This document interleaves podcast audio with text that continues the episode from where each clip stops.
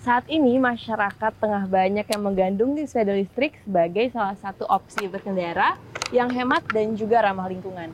Namun sayangnya, sepeda listrik ini banyak digunakan oleh anak-anak secara bebas di jalan raya dan tentunya ini sangat membahayakan.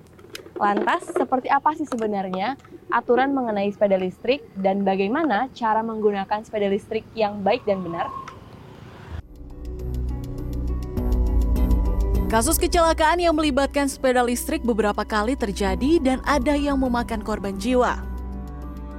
Kecelakaan yang melibatkan sepeda listrik sebenarnya sudah dikhawatirkan sebagian masyarakat, khususnya ketika pengendaranya adalah anak-anak.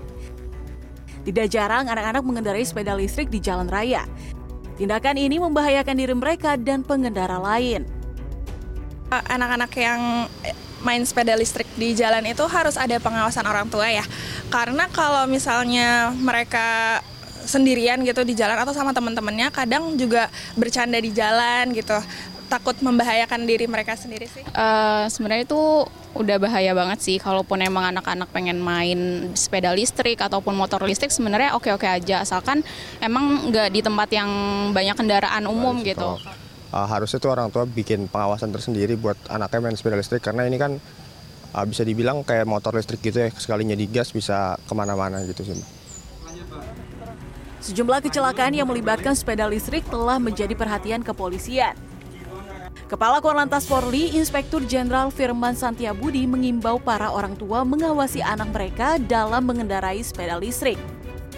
Masyarakat juga diimbau tidak mengendarai sepeda listrik di jalan raya. Soal berkendara sepeda listrik ternyata sudah diatur sejak tahun 2020 dengan dikeluarkannya Peraturan Menteri Perhubungan Nomor 45 Tahun 2020. Dalam Permen Hub tersebut, pengendara sepeda listrik berusia minimal 12 tahun harus menggunakan helm dengan pengawasan orang tua dan hanya dapat digunakan pada kawasan tertentu.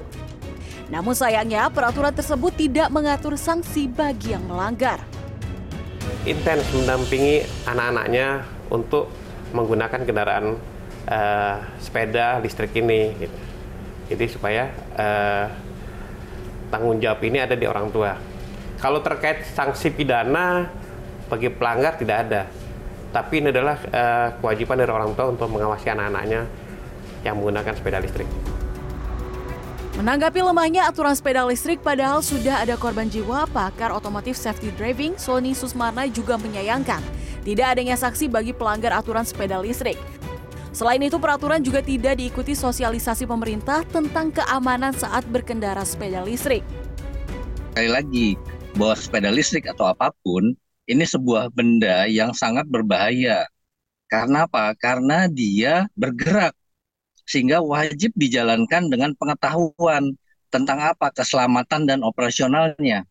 Nah, sementara mereka menggunakan sepeda listrik, motor listrik atau mobil listrik itu di jalan raya, di jalan Meski tidak ada sanksi dalam aturan sepeda listrik, sudah sepatutnya masyarakat, terutama orang tua, mengawasi anak mereka dalam berkendara sepeda listrik. Jangan sampai karena abai aturan, kecelakaan justru dialami oleh diri kita sendiri dan orang di sekitar kita. Tim Liputan CNN Indonesia.